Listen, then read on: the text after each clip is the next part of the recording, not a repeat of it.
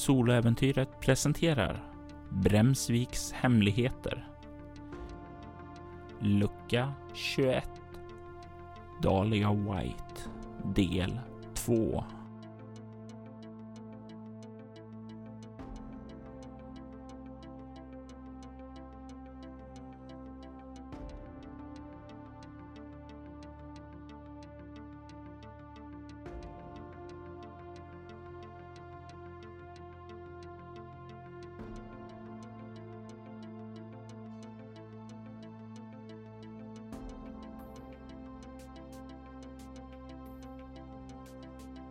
Show me a sane man and I will cure him for you.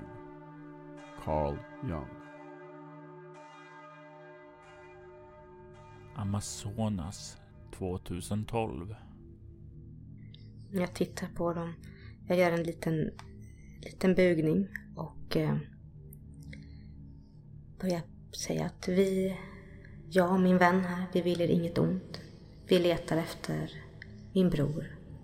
Och det vi önskar att stiga ner i pyramiden och se som finns där. Vi, vår avsikt är inte att störa er som finns här.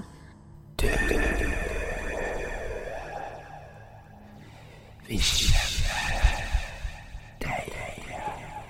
Du luktar som han. Han den vide mannen. Han som var Ritverias Chakapa. Eh, Chakaba, jag måste... Är det något ord jag känner till? Det låter inte det minsta bekant för dig.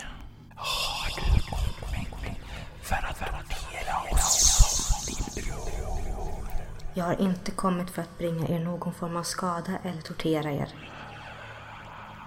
Det kan jag lova er.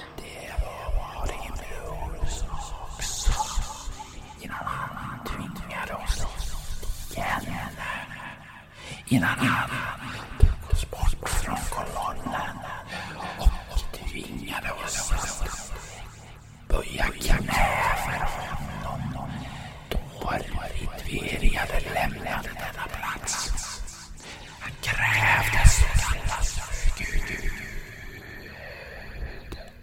Jag är inte min bror. Stig in om du vågar. Om ditt rätt, om ditt hjärta är ren, så ska du inte skada dig. Jag kan lova er, jag är inte här för att skada er. Jag vill hitta min bror. Och jag är inte min bror. Och jag ska se till att ni får frid. Stig in och bli. Jag tittar på David. Mm, du kan se han står vid din sida. Han eh, har kollat lite så här suspekt på dig medan du har stått och talat, men han har inte hört någonting annat, så han vet inte riktigt vem du talar med. Och när du kollar på honom så möter han din blick också, liksom och säger eh, allt okej, Miss White? Mm. Allt är bra. Eh, De fällor jag pratar om är inte fällor vi kan se. Eh, Utan det är... Weird stuff. Jag fnittrar till lite grann. Ja, så kan man också uttrycka det. Eh, De är nyfikna på oss. De undrar om vi kommer skada dem. Eh, Min bror har varit här. Och vi behöver vara försiktiga när vi går in. Men håll dig till mig ifall det skulle hända någonting. Och eh, så får vi se. Vi tar oss igenom ett steg i taget. Okej, eh, jag håller mig nära dig säger han och du kan se han har sänkt pistolen nu för när du talar om saker som inte syns och sådant så verkar han instinktivt förstå att hans pistol är inte till särskilt stor hjälp. Tittar lite grann på honom och säger det kommer nog finnas andra saker där inne som kan behöva mer än vad jag kan göra. Eh, Så jag är väldigt tacksam att du faktiskt är här. Så ler jag mot honom. Han nickar. Tar ett djupt andetag. Då går vi in. Och sen tar jag två steg in. Du kan se då när du gör det hur Davids ficklampa lyser upp där inne. Och du kan se att den stannar till, stelnar för en kort stund när han ser skuggorna som verkar sväva fram där och tillbaka. Men ganska fort så verkar han hämta sig och ta ett steg efter dig. Du kan se ifrån fackelskenet nu mer än de här de väsena som svävar omkring där. I mitten av rummet så upptas det till stor del av vad som ser ut att vara en gammal bassäng. Eh, I mitten av den så finns det en upphöjning. Åh oh, nej! Och i mitten på upphöjningen där, en cirkulär upphöjning, så finns det en symbol som är målad där på marken. En symbol som föreställer släkten Winterburns solöga. Du kan se hur mm, den här bassängen en gång i tiden Ja, den har nog varit fylld, kanske inte av vatten, Nej. men eh, av blod. För det finns en eh, väldigt djup intorkad mörkröd nyans i den. Du kan se att det verkar finnas inskriptioner på väggarna. Eh, tecken, symboler. Men det verkar inte finnas någon väg ned här. I samma ögonblick som du har tagit ett steg in där så känner du så här kalla kårar gå upp längs ryggraden när de här skuggorna far fram emot dig och igenom dig. Men du känner ingen smärta. Och snart så glider de undan. Du har inte din brors mörker. Jag gör en liten bugning med huvudet framåt mot det tomma rummet. Du kan se att de verkar glida tillbaka till bassängutrymmet där de flesta svävar omkring. Mm. Verk, hur många skuggor verkar det vara ungefär? Och verkar det vara några som är från nutiden eller verkar det vara? Det du kan se 12 stycken skuggor som åker fram och tillbaka där. Och när du börjar kolla efter andra personer där så kan du se att det inte verkar finnas några andra personer än vad som verkar vara azteker. Jag eh, gör en liten tillbugning mot dem. Hedrade andar, jag eh, ber gärna om ursäkt för min brors mörka hjärta. Jag behöver hitta min bror och ta honom härifrån. Din bror offrade oss alla. Han lämnade platsen då den blev enslig och ingen längre fanns kvar att dyrka honom. Var han reste härnäst, det har jag ingen aning om. Men jag gissar på att han söker efter rituering. Den här anden som mm. talar nu till dig. Han är lite, du kan se den tydligare. Det är inte samma viskande röst som tidigare, utan det är en gammal man. Det ser eh, väldigt så här fårad ut i ansikten, sliten, fylld och förtärd av sorg. Mm. Det är nästan som han har glidit fram emot dig och lite grann som verkar vara de andras språkrör nu och det är nästan som om han får energin av de andra att förtälja dig det här. Jag öppnar handflatan mot honom. Förlåt mig hedrande, men min bror... Jag tvivlar inte på att det du säger är sant, men min bror är i samma ålder som jag är. Det kan omöjligt vara han som offrade för så många sekler sedan.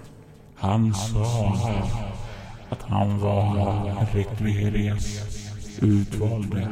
Att hon hade kallat honom hit. Att det här var hans öde. Att vara en shakapa. Att vara en gud. Hedrade ande. Min kunskap om Ritveria och Chakapa är väldigt begränsad. Vill ni förklara detta för mig? För, vad innebär det att min bror är en Chakapa?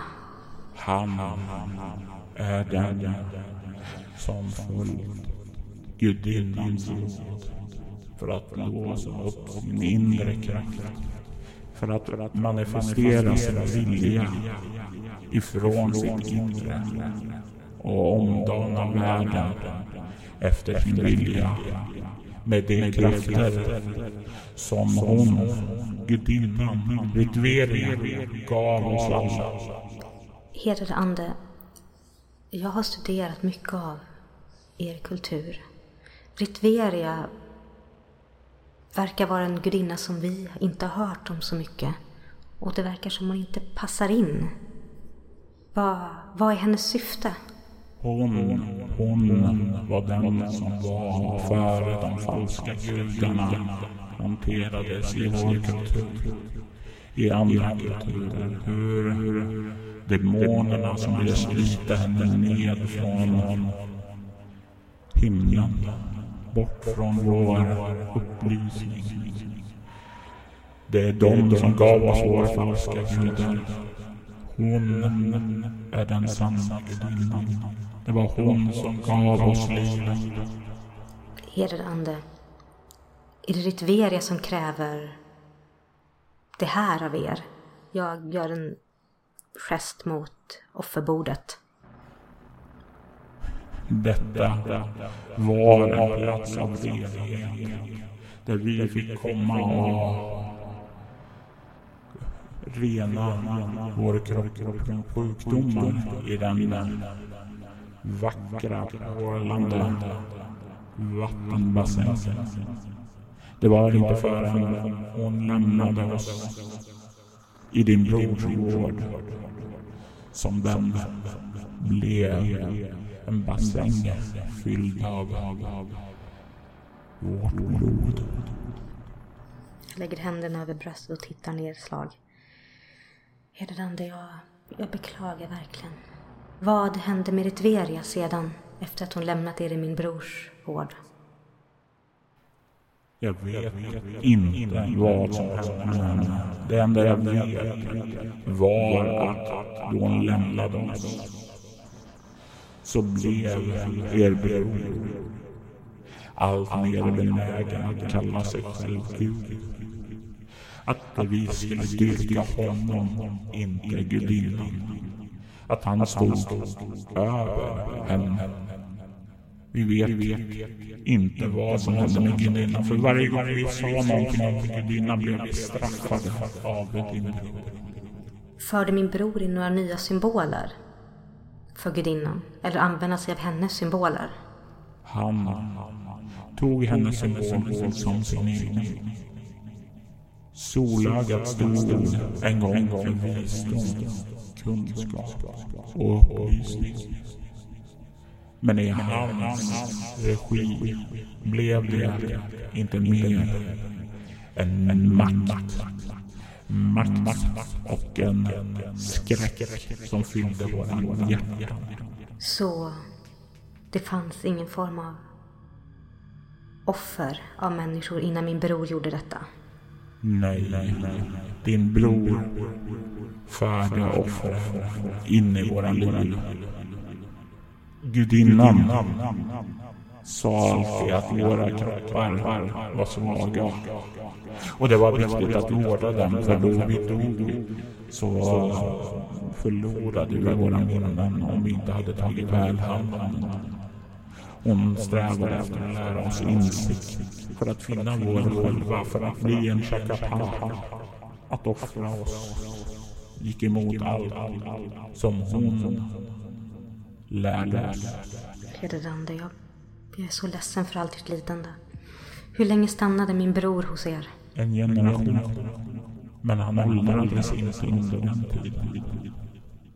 En generation. Som. Mm, som en, chakapapa. Så åldras inte längre kroppen. Och sen gav han sig av. Ja, jag vet inte vad. Ty jag är bunden vid denna plats. Hedrade Ande, tack så mycket för svaren. Jag har en fråga till som ni kanske kan hjälpa mig med. Det finns ett område till söder här. Vad, vad, innebär, vad, vad finns det där vid upphöjda kullen? Det var platsen för Midlantikotli. En fruktansvärd falsk gud som härjade här i trakten. Din bror mötte honom och dräpte honom. Och det var vad som gjorde att Ritueria höjde honom till en chakra. Att hon såg honom värdig.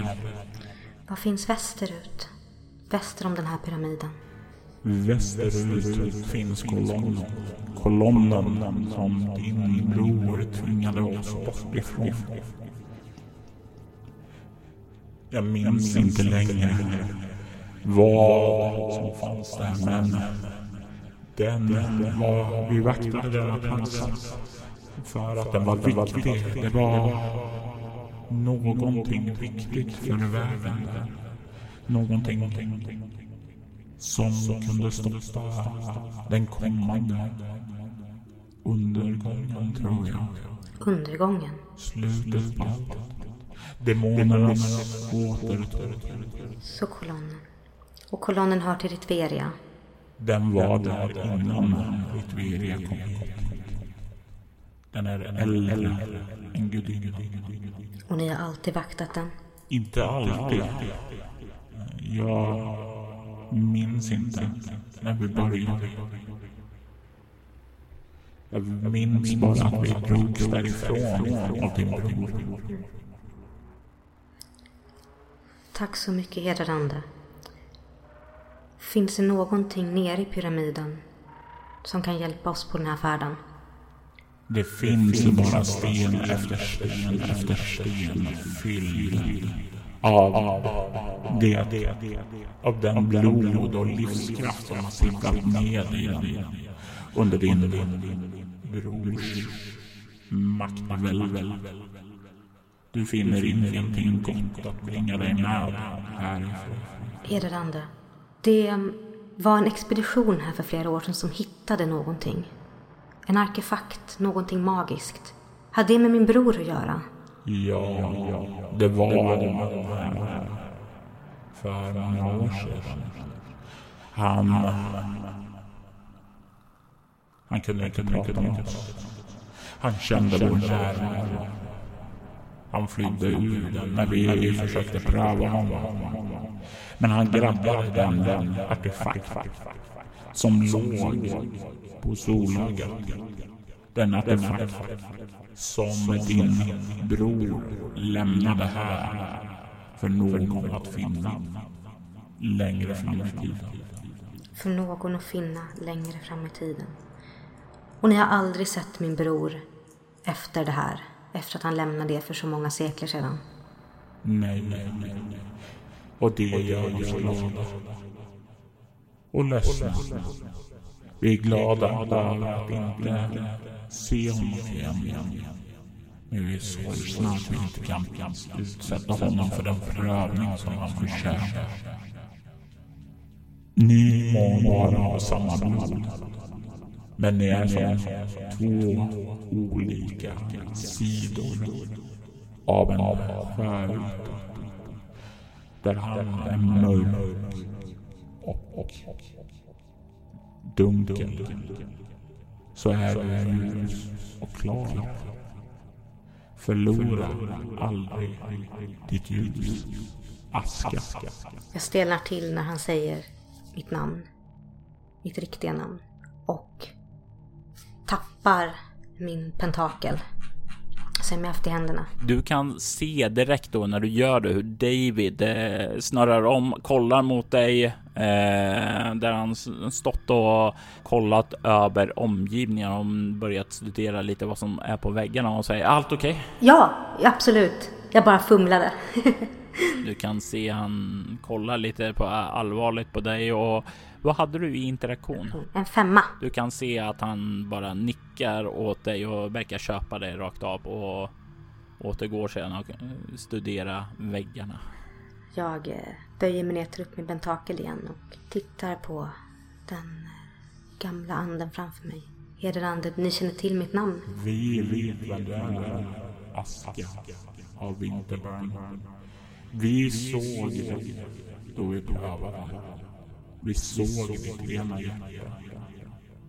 Vi såg att du var bror till den man som har dömt oss till detta helvete på jorden. Till denna evighet av plågsamhet. Men vi dömer inte dig för vem du bär blod Då vet ni också vem jag följer. Vi vet att du är den som följer moden i en aspekt av något större. Du må inte se helheten idag, men du kommer att se helheten framöver. Tack så mycket, hederande. Vi ska lämna er i fred nu. Och jag tackar er för de svar ni kan ge. Vandra i fridaska. Må din pall lysa starkt. Jag gör en bugning. David, Ja, det finns ingenting mer här just nu. Vi kan inte komma ner till pyramiden alls.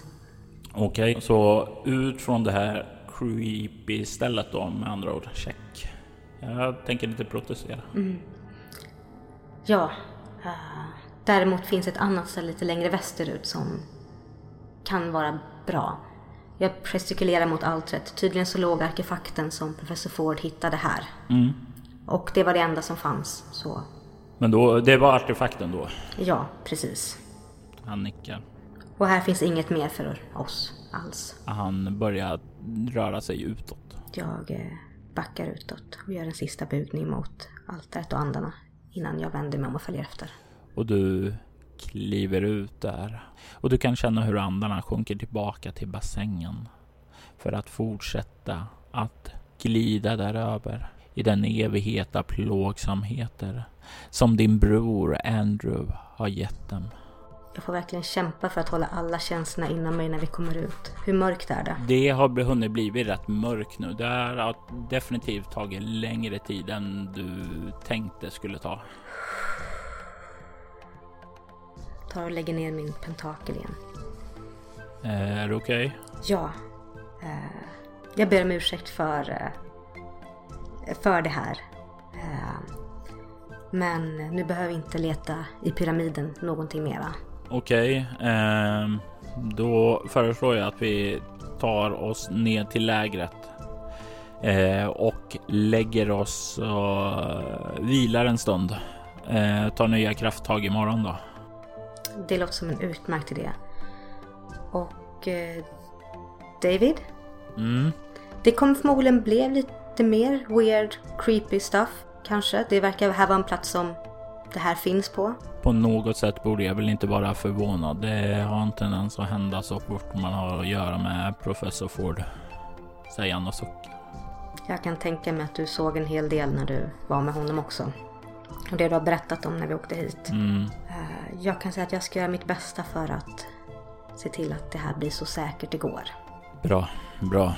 Eh, och om det kommer några mer jordliga saker som eh, creepy så lovar jag att jag gör det bästa från min sida. Tack så mycket. Och ni kan börja röra er ned till eh, lägret igen från pyramiden. Mm. Ni tar och slår er ned för att ta och eh, få en god natts sömn. Men det är inte så lätt att få en god natts sömn med alla de här tankarna som far igenom ditt sinne. Du har mardrömmar under natten som gör att du får dålig sömn. Vad är det för mardrömmar som håller dig ifrån den goda sömnens rike? Det är mardrömmar om mycket från min och Andrews barndom. När vi var små, hur jag alltid såg honom som den, den oseriösa av oss. Och mardröm om att vi springer hand i hand och sen att vi bara försvinner ifrån varandra. Och att han har levt ett annat liv i andra sekel utan mig. Och jag undrar om jag ens känner honom alls. Framförallt en känsla av att falla. Av att falla i ett mörker utan slut, utan kontakt med Gaia. Och så mycket blod. Så mycket blod. Och jag ser andarnas ansikten framför dem, den här eviga plågan. Och bakom dem ser jag min bror och vet om han villigt dömde dem till den här plågan. Och att han inte bara dödade dem utan också band dem till en plåga som varar för evigt. Jag fortsätter falla och falla genom ett mörker och det känns som att jag skriker hela tiden. Och jag skriker hans namn. Jag skriker hans namn så högt att det känns som att det är det enda som hörs i hela universum. Men han hör mig inte. Och det värsta är tanken om att, om att han hör mig men kanske inte bryr sig om mig. Och att det är mitt fel. Att det helt och hållet är mitt fel eftersom, eftersom jag lämnade honom. Eftersom det var jag som gick först. Och att kanske allt det här är mitt fel. Du återfår ingen bestående förlust då du har vaknar tidigt nästa morgon. Du har haft en dålig sömn. Mm. Du känner eh, dock doften av eh, frukost på G när du väl vaknar. Mm. Sovit dåligt? Sätter mig upp. Ja. Hur visste du det? Säger jag innan jag hunnit tänka efter. Du talar väldigt mycket i sömnen. Och du kan se han kliver fram och håller fram skål med frukost åt dig. Tack så mycket. Tar emot skålen och tittar noga på den för att se om det verkar vara något avståndstagande eller någonting jag behöver vara på min vakt om. Trots allt känner jag honom inte så väl. Du kan få slå ett utstrålning plus kameleont för att se vad eh, du får för intryck från honom. Och du ska komma upp i 12 den här gången. 10 för jag har fortfarande minus ett utstrålning. Eller hur? Ja, för du har inte återfått den. Ja, då kommer jag upp i 10. Det är ett marginellt lyckat. Eh, och du får väl inga känslor av att han verkar avståndstagande. Det är väl snarare om du skulle säga som så att han ser lite orolig ut för dig, lite så här, nästan så här han lite pappaaktig över dig. Åh, fint. Den känslan får mig att fnissa lite grann för mig själv tycka att ja, det är bättre det. Att då vet han inte kommer överge mig i alla fall. Du kan se han Precis som varje god pappa sträcker handen innanför fickan och sedan håller fram en liten fickplunta åt dig. Ungefär som behöver du stärkande. Mm. Vad är det här för någonting? Eh, lite för att lugna nerverna. Jag brukar alltid ha med mig någonting bara under situationer av antingen glädje eller sorg. Det är lite tidigt på morgonen för mig men jag kommer nog vilja ha det senare. Tack så mycket. Han nickar och stoppar tillbaka pluntan. Och ni kan eh, få i er frukosten och börja plocka ihop ert läger där. Eh, var är det ni kommer att styra er kos emot härnäst? David, jag skulle vilja gå uh, lite grann västerut. Jag, uh, jag har indikationer på att det finns mer västerut som jag vill titta närmare på. Uh, som har att göra med både min bror och allt det som har hänt med professor Ford. Okej, okay. då mm. rör vi oss väl västerut säger han. Mm. Under gårdagen så sa ju du att du ville hålla lite koll och sådant på om den här kraften verkade röra sig oh, närmare eller sådant. Ja.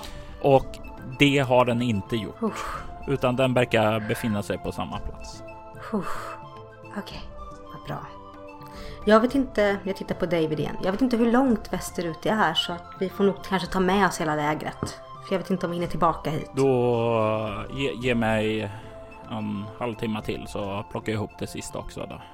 Ja. Eh, under den här extra halvtimman då, då, nu när du är klar och sådant, är det något särskilt du gör eller väntar du bara in honom? Eh, jag tar och går en tur bland ruinerna igen. Eh, tittar lite extra noga på allting går tillbaka till ristningen av min bror. Och nu när du ser den så den känns annorlunda nu. Du kan inte hjälpa att den ser ja, målar Andrew i ett väldigt grym bild. Att hans drag där ser hårda ut. Eh, som nästan som en maktfullkomlig diktator. Och det är liksom sänder en sån här kall kår ned längs din ryggrad. Du kan faktiskt få ta eh, en skräcknivå på scen. Allmän skräcknivå, ja. Jajamän. Mm. Det är väldigt obehagligt för mig att se den. Och, eh, men jag försöker titta på den och jag försöker också komma ihåg alla de minnen jag har med min bror. Från när vi var små fram tills... Ja, fram tills att vi skildes åt. Och jag försöker ta de minnena och lägga dem tillsammans med den här nya bilden jag har av min bror. Framförallt hur han kunde hamna här. Jag tror jag vet, men det är fortfarande väldigt förvirrande. Vad är ditt lyckligaste minne med Andrew? Och det lyckligaste minnet jag har med Andrew det är, det är när vi var riktigt små. Vi kanske var sju, åtta år. Och vi, eh, vi visste ingenting om den namnlösa gudinnan utan vi, vi hade sprungit iväg från våra föräldrar eh, på en utflykt och klättrat upp i ett träd och satt där. Jag satt där och som vanligt pladdrade på om allting. Och eh, Andrew satt lite på en gren nedanför eh, och vi höll höll händerna och pratade om allt vi skulle göra och hur vi skulle kunna resa och utforska saker tillsammans. Och jag vet inte varför just vi inte har stannat men kanske för att vi, vi var så pass, vi var så unga. Vi visste ingenting och vi hade inte ansvaret på oss som vi sedan fick. Ansvaret jag fick bära. Det som gjorde att jag gav mig iväg. Vi pratade om vår framtid, vi pratade om vad vi skulle göra tillsammans och vi pratade om vad vi drömde. Jag minns inte ens vad det var vi drömde om men vi sa att vi ska resa och alltid vara tillsammans. De här minnena, det är alltså det. Det känns så skönt liksom att kunna tänka på dem. Att för en stund lite känna det här. Den här kärleken och närheten till din bror som du inte fått under nattsömnen och alla de här intrycken som liksom glidit in och försökt skölja bort din kärlek till din bror. Och det här att minnas det får dig faktiskt att känna dig lite bättre till mods. Du kan få tillbaka en bestående förlust i utstrålning. Jag vandrar sedan tillbaka till lägret, tittar mot pyramiden en sista gång och försöker att eh, förstå hur min bror som saknade all form av motivation och driv kunde använda det han hade inom sig, som jag visste att han alltid hade inom sig. Hur intelligent och smart han var, men han kan använda det till något så hemskt och så vridet. Och om han alltid hade varit så också. Eller vad det var som gjorde det. Sen började jag också tänka på hur Ritveria kunde kny, kan knyta an till min Gaia. Så jag har mycket tankar i huvudet när jag kommer tillbaka till lägret. Och det är kanske en ganska tyst färd ni tar er medan ni vandrar genom skogen där åt väst. Närmare den här kraften du kände av. Usch. mm. Efter en, ungefär två timmars vandring åt väst så eh, börjar de första regndropparna att falla. De är både stora och tunga när de slår ner där. Inte som det här lätta, milda regnet som är, annars känns eh, där du växte upp i Boston. Utan det här är nästan tungt monsunregn som bara väller ut och på några sekunder går det från de här första dropparna till hårt eh, fallande regn och David Benka vinka in dig till ett träd som har ganska stora grenar och så här ungefär som eh, kom in, vi tar en eh, vila här. Det har varit en ganska tung färd hittills eftersom här finns det ingen stig att gå på utan det är ju att ta sig fram i ganska hård terräng då. En del av mig vill fortsätta framåt komma fram så fort som möjligt. Men jag välkomnar faktiskt vilan och kilar in under trädet där David vinkar in mig. Uff, vilket förfärligt regn. det är som att bli slagen till marken. Ja, jag har varit med om det tidigare, men eh, det värsta är att vi får göra en omgruppering här för eh, de här stormarna kan hålla på en bra stund och jag vet inte hur väl vi är förberedda på att färdas under dem. Hmm. Vi får försöka improvisera utifrån det, för det är inte som om vi kan kontrollera vädret. Mm. Nej, jag litar på dig i det här. Det är jag har ju aldrig varit ute i den här miljön länge innan och det har ju du. Så vad behöver vi tänka på? Vad behöver vi göra?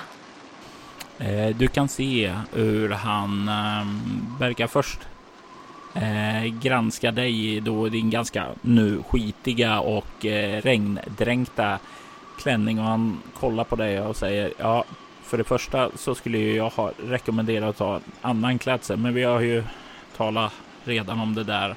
Eh, du kan se han böjer sig ned och eh, börjar rota i sin packning eh, efter någonting.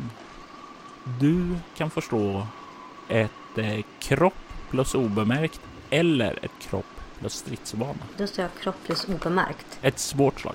Okej, jag rullar 15. Du som känner en närvaro till Gaia hör ju plötsligt hur det blixtrar till. Du känner blixten innan det kommer från himlen och slår ner några kilometer längre västerut.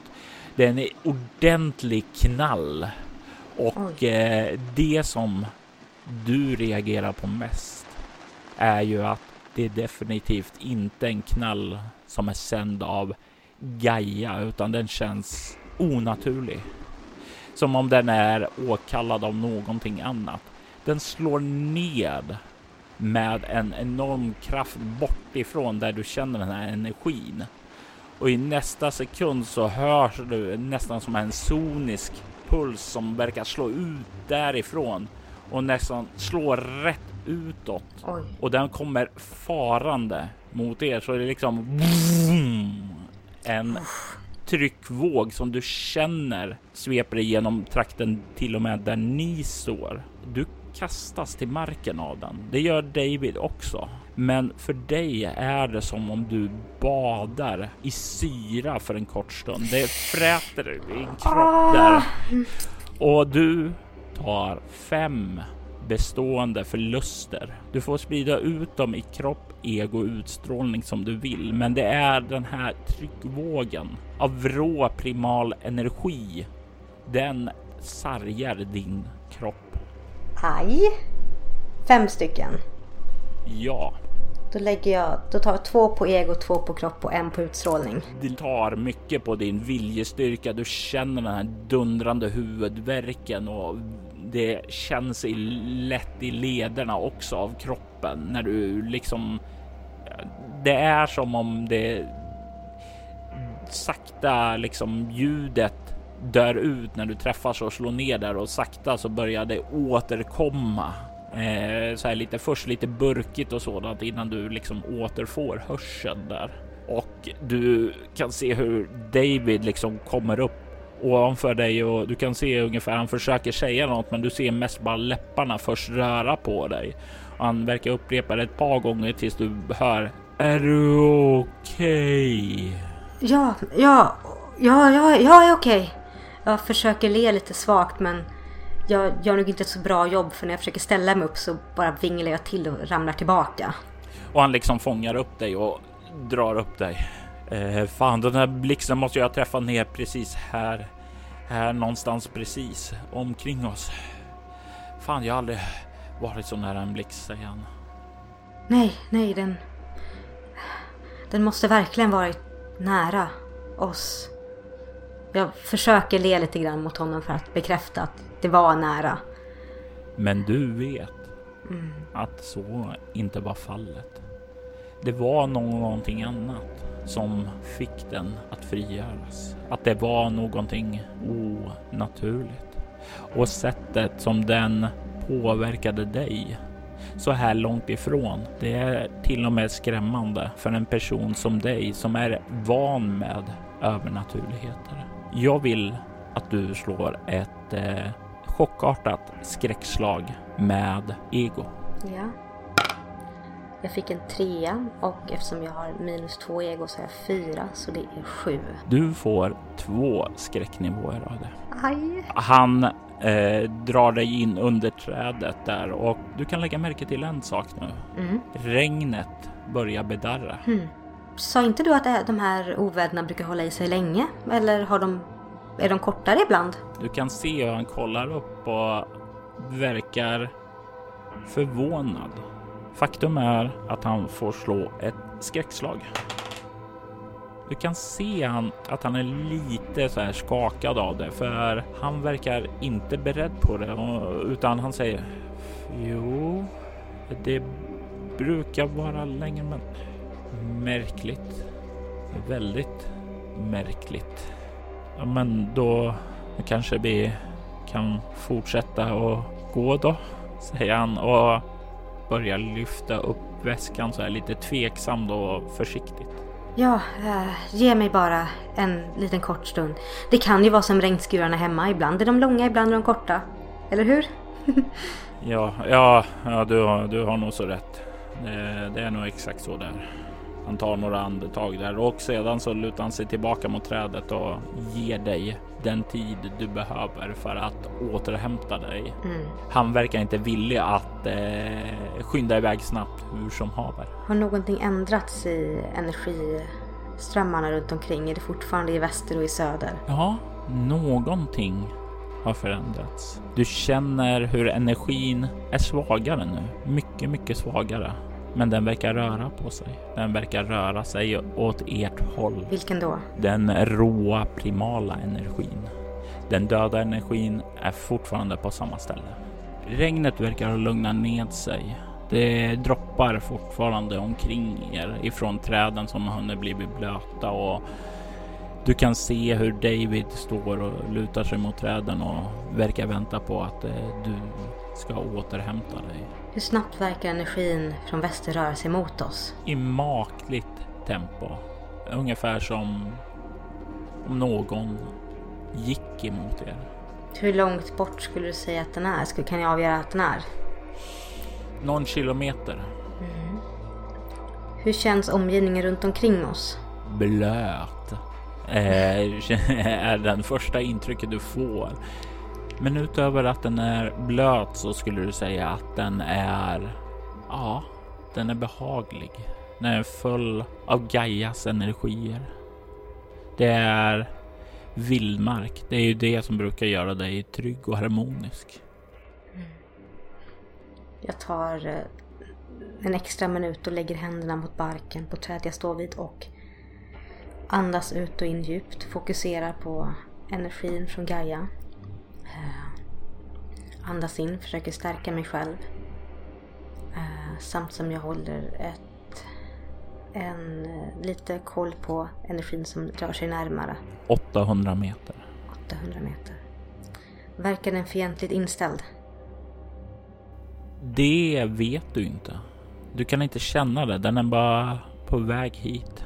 Precis som ett djur i naturen. Den rör sig planlöst fram. Utan eh, några intentioner mot människor som irrat sig in på deras territorium. David? Ja, är du redo? Hmm. Den där blixten. Ja, vad är det med blixten? Uh, det är en... Hmm. Hmm. Det känns första gången som jag tappar orden. Jag står och funderar ett slag. David, uh, jag tror att vi väntar här ett litet slag. Den där blixten, den skakade mig lite grann. Och det verkade som... Det verkar som att det kanske är någonting mer som hände. Eh, till kategorin eh, weird och skumt då antar jag? Exakt, kategorin weird och skumt. Och eh, hur många meter från oss nu? 650 meter. Mm. Eh, jag tänker att jag hellre föredrar att vänta här än att springa in i någonting oväntat. Så i kategorin weird och skumt. Så det är bra om du håller dig nära mig. Okej. Okay. Och jag vill gärna ha dig nära mig också. Eh, absolut, säger han och eh, drar sin pistol och sen så kollar han på dig. Vill du att jag sätter upp ett bakhåll? Nej, jag tror inte vi behöver ett bakhåll just nu. Jag tror att det bästa vi kan göra är att vänta här eh, med öppna sinnen och se vad det är som kommer ske. Jag är lite osäker på vad det är. Men det verkar inte vara farligt. Jag känner efter igen. Verkar det farligt? Fortfarande inte så att du kan känna någonting det, men du kan känna att den är 500 meter ifrån er nu. Mm. 400 meter ifrån er. Åh, oh, gud. Men jag... eh, Mm. Vi, David, vi stannar här. Han nickar och ställer sig lite vid din sida. Eh, har pistolen i sin hand, redo om den skulle behövas. Mm. 300 meter. Jag vill lägga all min, mitt fokus på att eh, se vad jag, på det som kommer mot oss. Se om jag kan få intryck om det är en varelse, om det är ett djur, om det är en spirituell sak, om det är en människa och framförallt vad jag känner av för energiströmningar. Det låter för mig om, som om du skulle behöva kasta förhöjt medvetande då. Jajamensan, det vill jag definitivt göra. Hur går du tillväga? Jag tittar snabbt på David och säger David, jag kommer behöva känna av det här nu. Så det kommer kanske bli lite weird stuff. Men stanna bredvid mig. Absolut. Jag tar fram min pentakel igen. Lägger den tätt mot hjärtat. Andas in. Andas ut. Andas in. Eh, tar min högra hand bort från pentakeln och riktar den med handflatan uppåt framåt mot det som kommer mot oss. Och eh, sträcker ut mitt medvetande i samma takt som jag spretar ut med fingrarna för att lite grann som ett nät för att känna av så mycket som möjligt. Mm. Du har mindre än två fokus, så det innebär att du får slå ett utstrålning plus esoterika med minus två. Ja. 14 blir det totalt, för jag har minus ett utstrålning. Och minus två då, så 14 minus 2 så 12. Det är ett misslyckat slag. Åh, satan. Du får fem korruptionspoäng då. Du försöker fokusera din styrka, åkalla Gaia eh, och du bara känner den här energin komma närmare och närmare. Kanske är det därför som du inte lyckas be Gaia att ge dig den energi som behövs för att du ska kunna få den här tillgång till den här gåvan som kan ge dig ett förhöjt medvetande. Du hör snart prasslandet komma närmare av någon som går och du kan eh, höra andetag från ja, en man som verkar komma gående. Han verkar, ja, det är nästan som han munter går och eh, gnolar på någon melodi när han kommer närmare. Känner jag igen melodin? Du känner inte igen melodin och du känner inte igen rösten heller. Du är rätt säker på att det här är inte din bror. Verkar David känna igen någonting? Du kan se han kollar på dig och skakar på huvudet men håller pistolen i ett ganska hårt grepp. Redo att agera om det skulle behövas. Framför er, ungefär 15 meter bort, så kan ni plötsligt då se hur en man kommer fram genom buskagen mellan ett par träd. Han är ganska lång, betydligt kortare dock gentemot eh, David. Den här mannen är kanske 1,80. Han är klädd i ett par eh, rätt eh, alldagliga byxor som bärs av män i den här trakten. Han har någon jeansskjorta av något slag som liksom är halvt uppknäppt så du kan se lite av hans bara bröster. Du kan ana några tatueringar där under. Han har ett eh, lätt rufsigt mörkt hår och att han har ett lite så här scoundrel utseende. Han stannar till när han ser er och du kan se att han är definitivt inte någon sydamerikan av något slag utan han verkar ha ett ganska kaukasiskt utseende. Och han kollar på er lite förvånat och sen så ler han. Åh, är det fler som är ute och ränner i skogen? Jag sneglar lite grann mot David och ser för att se om det här är någon av hans vänner. Du kan se han ger en lätt skakning åt dig och sen så kan du se han verkar göra en eh, liten sån här gest åt dig ungefär som jag är redo med pistolen och direkt när han gör den där så kan du höra den andra mannen säga Jag skulle inte göra det här om jag var du. Vi behöver inte ta till några som helst ja, våldsamma tendenser. Det skulle nog sluta olyckligt för er och om ni är ute och turistar i skogen så vill jag ogärna lämna er som små lik ute att för ja, vittra här ute. Jag är mätt. nu, så det är bra tack. David stirrar på dig. Jag gör en gest liksom verkligen så här. Du behöver inte använda pistolen, lägg ner den. Eller så här, sänk den. Han lyder dig. Eh, hur mycket, vad känner jag från mannen? Det du känner från mannen är att den här primala energin verkar finnas i honom. Han kan inte ha tagit all den energin i sig för eh, då, då skulle inte han stå här idag. Men han har fått i en del av den i sig och du är rätt säker på att han är nog betydligt kraftfullare än vad han ser ut att vara. Och jag kan nog avgöra att han är betydligt kraftfullare än mig också, eller hur? Om han fick i sig av den energi han fick i sig så är han nog kraftfullare än dig just nu i alla fall. Ja. Jag gör så här. Jag eh, nickar lite grann mot honom. Ler lite grann och säger Vi menar inget illa. Vi har inga ten- intentioner att skada dig eller någon annan. Så trevligt. Så trevligt. Eh, Om det är okej med er så tänker jag bara gå härifrån. Vidare bort. Absolut. Jag ser inte varför vi inte skulle kunna passera varandra utan problem. Utmärkt. Miss... White. Ah, så trevligt. Joshua Tree heter jag. Mina fiender kallar mig för Ripper, säger han och börjar kliva närmare er. Eh, Känner jag igen namnet Ripper från någonstans? Du kan få slå ett eh, svårt slag med ego och samhällsvetenskap. Jag stod en sexa.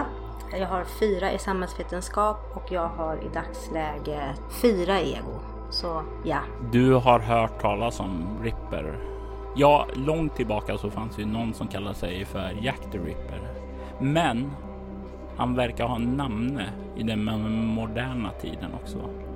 En eh, seriemördare som, eh, Nej! som brukar även våldföra sig på sina offer. Både före och efter de är döda. Så jag känner igen namnet Ripper och seriemördare som plötsligt dyker upp mitt uppe i djungeln. Ja, borta vid den eh, primala energin som nu verkar bära den i sig. Så när han börjar gå närmare bara Ripper! Jag känner igen det namnet. Vad, f- hur kommer det sig att du hamnat här ute? Det är en lång historia, Eh, men det var kolonnen som fanns där borta. Den behövdes frigöras om världen ska kunna bli trygg. Jag tror att ni var ute här av exakt samma anledning som mig. För att ni vill världen något gott. Ni vill inte att demonerna som tränger in från andra plan tar och sprider sina våldsamheter, sin ondska över den. Jag får inga dåliga vibbar från er, Miss White. Jag tittar på honom väldigt länge. Så när du säger att vi arbetar mot samma mål? Jag får en känsla av att ni också vill världen gott. Mm.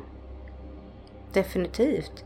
Och att ni också vill världen gott är någonting jag inte tvivlar på när jag möter er här ute och ni verkar ha så mycket kunskap men ni har ett, li- ni har ett lite annorlunda rykte. Ni talar om eh, sättet eh, som jag livnär mig på. Jag förstår. Men ni kanske kan förstå min synvinkel. Jag behöver energi för att leva så länge som jag har levt. Lite skit under naglarna måste man få. Trots allt, skulle inte du offra en person om hela världen slapp att lida för det? Du kan se han kolla väldigt allvarligt på dig. Jag möter hans blick med och tittar honom rakt in i ögonen. Världen är ju värd allt. Och det kan vi nog båda enas om, eller hur? Han nickar. Så, vart är du på väg nu? Du verkar vara väg bort ifrån där vi var på väg till. Tillbaka till civilisationen. Kolonnen är frigjord. Nu letar jag bara efter den femte och sista. Då jag finner den och frigör den så kommer inga demoner kunna ta sig hit igen. Jorden kommer att vara säker från demoniska hot. Mm. Det är mycket tankar som far in i mitt huvud nu för det han talar om står ju precis i linje med vad jag vill. Samt som Ja, han eh, livnär sig på ett annorlunda sätt. Ja, somliga skulle nästan säga att på ett omänskligt sätt. Ja, definitivt. Men känner jag av några omärkliga tendenser från honom? Eller så här, är det någonting med hans energi eller är det fortfarande energi som är primal och från Gaia? Du kan ju känna att han, eh, han verkar, den här primala energin verkar definitivt komma från Gaia på något sätt. Eh, men den är ju annorlunda, kanske mer gammal, okontrollerad, som om det kommer från tiden innan världen började för, förändras, kanske innan människorna började bygga städer och sådant. Den är så gammal och uråldrig. Det är som man har en betaversion av dagens eh, magi, magiska energi. Du kan dock känna att han på sin kropp verkar bära någon typ av magisk artefakt. Eh, troligtvis har han den nedstoppad i byxlinningen där bakom för han har ingen ryggsäck eller någon sådan på sig och det syns inte särskilt tydligt. Så när du menar att du ska hitta den femte kolonnen, då vill jag fråga dig vem du följer. Jag följer lärorna av Nuvagul och du kan få slå ett svårt slag med ego-okkultism. Kom igen. Jag slog en femma. Mitt ego är på eh, fyra, så nio plus åtta. 17 då. Du kan inte riktigt dra dig till minnes exakt, men du vet att Nuvagul är någon typ av gudinna. Men det är inte från någon sån här tro som du är riktigt bekant med, utan det är någonstans den har sin ursprung ifrån Kina eller möjligtvis Indien skulle du dra dig till minnes och det är inte ditt stora expertisområde där. Men det det är liksom den, en traditionell skapargudinna skulle du tro att det är. Mm. Tack för ditt svar. Jag eh, undrar. Jag, vi letar, vi var, på, vi var på väg till kolonnen. Finns det någonting kvar för oss där nu? Kolonnens kraft är frigjord, men om ni söker efter kunskap och förståelse om den och kanske även ni letar efter vägen till Bugavati så kan ni finna ledtrådar där. Har jag hört om Bugavati innan? Eh, om vi använder samma slag som tidigare så mm. kan vi säga som så att du är rätt säker på att det är något som eh, knyter till en hinduisk mytologi. Mm. Det fanns ett ormfolk som kallas för Naga och eh, Bugavati var deras eh, stad i underjorden och med underjorden alltså långt ner i jorden, inte som en annan plan utan som fysiskt ned i jorden. Mm, tack så mycket. Absolut, Miss White.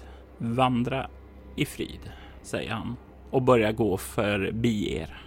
Du kan se hur David avvaktar. Han kollar på dig och verkligen vänta på om du ska ge honom någon order, men han agerar inte utan ett ord ifrån dig. Jag väntar tills att Ripper har försvunnit utom synhåll och jag känner mig säker på att han faktiskt är på väg bort från oss. Och du känner ju energin så ja, du kan känna att han är på väg bort emot pyramiden. Bort mot pyramiden? Ja, därifrån ni kom. Fan, jag skulle fråga honom vad den femte kolumnen var. Bara. När jag känner att liksom han är på säkert avstånd så nickar jag mot David. Vi fortsätter mot kolonnen. Jag vet inte vad som kan finnas där för oss nu men det var viktigt för min bror och jag tror vi kanske kan hitta fler svar där. Du kan se han nickar och du kan se hur han eh, lite först lite försiktigt tar de här trevande stegen iväg ditåt och sedan tar han ett djupt andetag och så börjar han att gå. Han tar några steg, kollar att du följer efter. Mm. Om du inte stannar eller så, så kommer han fortsätta gå sen. Då. Jag stannar inte utan jag går efter. Och det tar kanske någon timma till att ta sig igenom den här terrängen innan ni kommer ut till en, ja, kan skåda ned i en liten skreva där. Ned till en stenpelare som reser sig ett antal meter upp. Det är definitivt gjort av eh, någon gammal kultur, men du kan inte spåra den till någon av det. Det är definitivt inte sydamerikanska indianer som har gjort den här, utan det verkar någon kultur som, ja, du kan förstå ett mycket svårt ego och humaniora slag på det. Ja, jag rullar. 14. Du kan inte riktigt placera den till någon känd kultur. Definitivt ingen av de här stora. Det ser inte ut som sydamerikanska indiankulturerna i alla fall. Den här verkar ha ett flertal ormar och sådant inristade på sig. Så det mest logiska skulle väl kanske vara de här Nagas eh, som du fick höra, mm, ja, som du drog dig till minnes tidigare. Mm. Vad finns det mer i omgivningen runt omkring? Det, du kan se att det har, verkar funnits eh, någon form av ja, byggnader och så här en gång i tiden. Men de har nu helt övertagits av ja, vildmarken där och brutit ned och om eh, det var ruiner där borta eh, vid pyramiden mm. så är det här nästan eh, ruiner av ruinen. Oj, okej. Okay. Mm. Det verkar som om här också att den viktigaste byggnaden eller eh, monumentet är just den här kolonnen. Du kan se hur skog och så verkar torna upp sig omkring det. Men det är just en eh, liten eh, grusplätt omkring den som ligger fri från växtlighet. Hmm. Som att någonting har, som det har hänt nyligen eller? Ja. Som att det kanske slagit ner en blixt där? Det skulle ju kunna vara rimligt ja och eh, det kan vara som så till och med att sättet det verkar lagd på så kan det vara som om en tryckvåg har gått ut ifrån den också. Ja. Eh, jag sneglar lite grann på David för att se om han drar några slutsatser och för att se hur upprörd han verkar, om han verkar bli upprörd eller ställd. Han verkar observera samma sak som du med det här att eh, det är dött där och han verkar vara på samma linje som du. Mm. I alla fall där. Ja. Finns det något uh, mer här omkring? Nej, inte vad du kan se utan det verkar vara det. Mm. Då tänkte jag röra mig mot kolonnen och eh, undersöka den närmare. David följer dig eh, och eh, håller ett öga bakåt. Mm. Just det, känner jag någonting med energin bakåt? Och från både söder och från primalenergin, alltså från honom. Eh, du känner ju att eh, ja, vid det här laget så har ju han hunnit röra sig eh, förbi eh, pyramiden mm. och sedan bort ur, utanför ditt område som du känner någonting. Mm. Den här området där Gaia var dött. Mm. Det har också börjat komma utanför ditt, ut, om din räckvidd för att känna saker. Okej. Okay. Yes. Eh, men då kommer jag gå och undersöka kolonnen. Du kommer fram dit och du kan se att det är... Vad har du i konstnärlighet? trea. Du kan ju se att det, det är ju byggt eh, för länge, länge sedan, men det är ändå någonting med det här som är väldigt, väldigt intrikat. Det är nästan som du undrar hur, hur har det gått att få så fina detaljer i sten med eh, så primitiva verktyg som borde ha funnits då. Det är väldigt fint och så mycket intrikata ormdetaljer. Mm. Mm. Det står ju klart att det här verkar vara gjord av eh, en kultur som satte ormarna i en väldigt högt eh, upplyft position i alla fall. Mm, de ser nästan levande ut, eller hur? Jajamän. Mm. Eh, vad känner jag för energi runt omkring den, framförallt från kolonnen? kolonnen verkar tömd på energi och du kan ana dock att det verkar finnas lite sån här eh, resonans kvar i det. Alltså tänk dig nästan som om det det sista håller på att osar ut nu är på väg bort och kommer troligtvis försvinna om ett tag. Men det finns lite energi kvar där som är på väg att ebba ut. Så han tog all energin för sig själv. Hmm. Intressant. Men vad kan finnas här mer då? Titta runt mot husen uh, och byggnaderna runt omkring och är någonting som kan försöka känna av så mycket som möjligt. Du sluter ögonen för att försöka fokusera och den enda energin som du får av någonting här i området. Det är den energi som är på väg att sippra bort. Du skulle gissa om eh, någon minut så kommer det inte finnas någon kraft kvar i kolonnen utan de kommer att vara helt borta. Det verkar som om det sista energin som finns i kolonnen skulle kanske kunna gå och fånga, i alla fall få en glimt av mm. om du rörde vid kolonnen. Jag vill göra det. Jag vill röra vid kolonnen för att jag känner på mig att det har, funn det har funnits så starkt mäkt här och det kommer vara borta och då är det kanske borta för alltid. Så jag tar ett djupt andetag och lägger handen mot kolonnen. Och det blixtrar till i ditt sinne. Ja. För en stund så liksom bleknar allting omkring dig bort.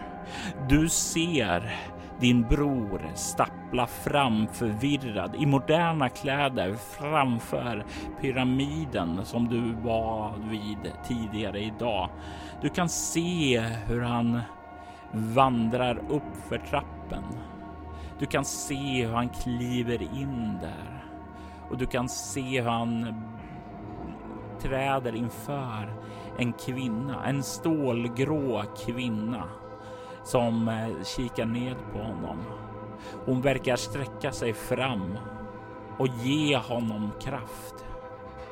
Du kan se han tar emot den och du kan se hur han rör sig ut med bestämda steg med en form av driv och auktoritet som han har saknat under hela det liv som du kände honom. Mm.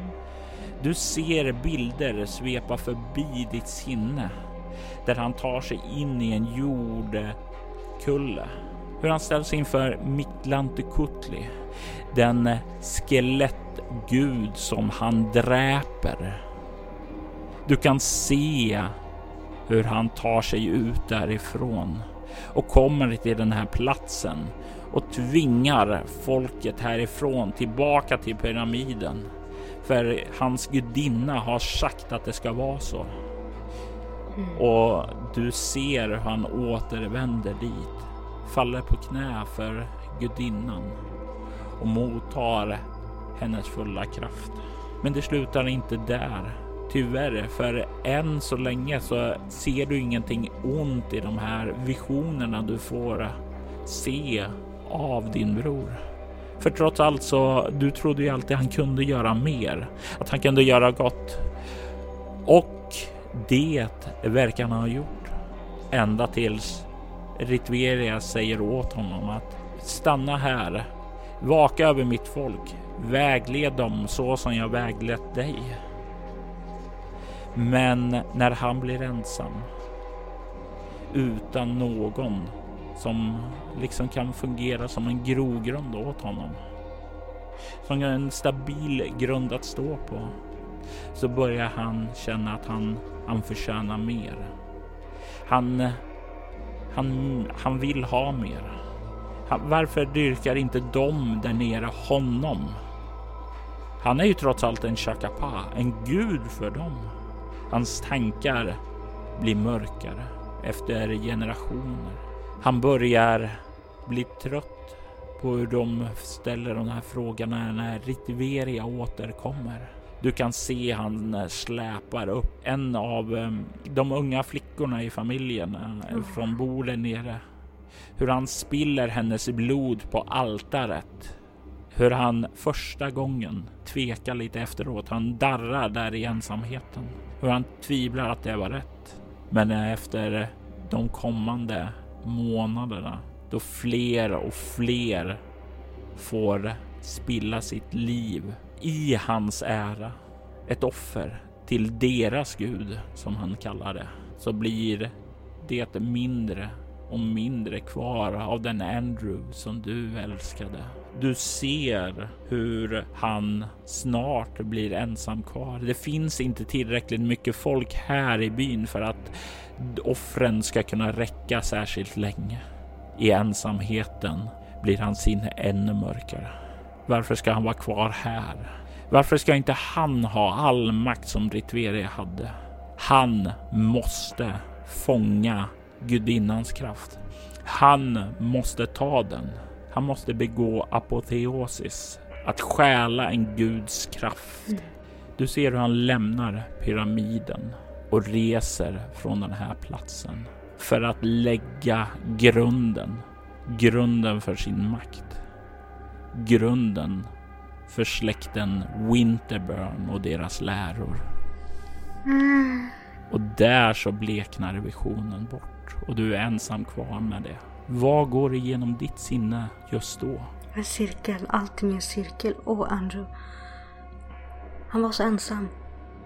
Kunde han ha hjälpt det här? Kunde han ha hjälpt om jag var där? Om jag ankrade honom? Så allting visste han. Visste han från början. Hur kom han tillbaka? Hur kunde han födas igen? Han är ju min bror, jag har känt honom hela livet. Jag har minnen från när vi var små tillsammans. Hur kan han ha lagt grunden för det som vi dyrkar i vår familj? Från så här lång tid. Åh, oh, gudinna. Men jag vet ju vem han är, eller vet jag det? Han reste i tiden, det är klart han reste i tiden. Han var så ensam. Åh, Andrew. Så ensam. Och det för ursäktar ingenting. Allting går i cykler.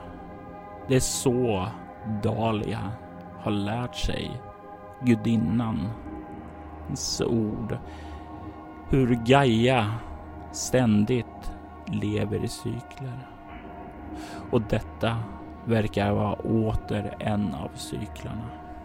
Andrew, som hon mindes från tiden, verkar ha rest tillbaka i tiden. Verkar ha lagt grunden till hela den tradition som hennes familj utövade. Hur allt hon flydde från verkade vara en konstruktion av honom. Hur allt som särskilde dem ifrån varandra. För det var ju där sprickan kom när hennes familj tog henne åt sidan från Andrew för att lära henne om traditionen. Men inte tyckte att Andrew var den som var värdig. Och det var där som kilen kom mellan dem. Visste Andrew om det då? Den gamla Andrew. Den gamla Andrew måste finnas där ute någonstans. Den som har levt så många år sedan han kom tillbaka i tiden. Tankarna går genom Dalias sinnen. Hon måste ha svar. Svar om sin bror. Går han att rädda?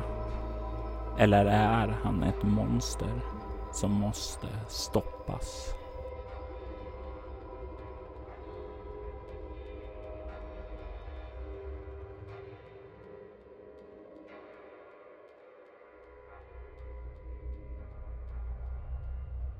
Dahlia White var ett scenario skrivet, spelet och redigerat och ljudlagt av Robert Jonsson. Spelare i detta avsnitt var Anna Erlandsson som Dahlia White. Bremsviks hemligheters vignettmusik gjordes av Marcus Linder. Övrig musik i detta avsnitt var gjort av Derek and Brandon Fichter, Adrian Carceri, Lisa Listby och Andreas Lundström. Lisa Listby och Atrium Carceri ges ut av skivbolaget Cryo Chamber. En eh, fantastisk utgivare av mycket stämningsfull ambient musik. Vi rekommenderar er att spana in dem via några av de länkarna som ni finner där avsnittet publicerades. All musik i avsnittet används med tillstånd. Mer information om rollspelet Bortom hittar du på bortom.nu och mylingspel.se. Följ gärna soloäventyret på Instagram och Twitter under namnet Spela Bortom eller på Facebook som Soloäventyret. Tack för att du har lyssnat.